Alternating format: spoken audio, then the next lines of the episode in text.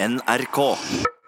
Alle kan våkne av at de er litt klamme og svette, men hvis du opplever nattesvette over lang tid, da skal det kanskje ringe ei bjelle.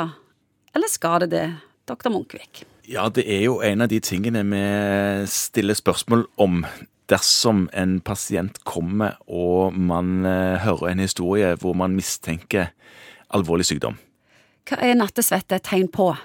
Først må vi si litt om nattesvette, for det handler ikke om å være litt varm i løpet av natten. Det er sånn at du må opp når klokka er halv fire og bytte fullt på sengetøyet ditt fordi at det er klissvått.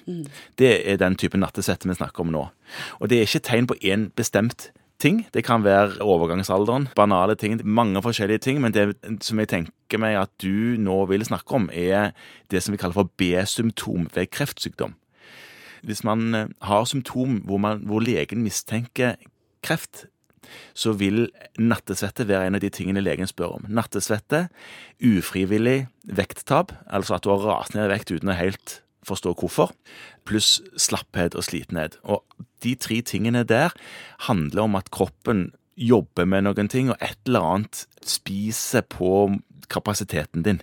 Så hvis du har nattesvette av dette kaliberet over tid, da skal du egentlig bare putle deg til legen? Ja, det kan være greit å bare ha sjekka det, men hvis det er et helt alene isolert symptom, så er ikke det en medisinsk nødsituasjon, altså. Er det andre ting det kan være enn kreft? Ja, det kan være ingenting. Så nydelig. Ja, ja visst kan det være ingenting. Det, det er vel det vanligste, at det ikke er noen ting. At du kanskje et eller annet du engster deg for, som du ligger og kaver med om natten, uten at du helt klarer å gjøre rede for at det er det du kaver med når du våkner og er klissvåt.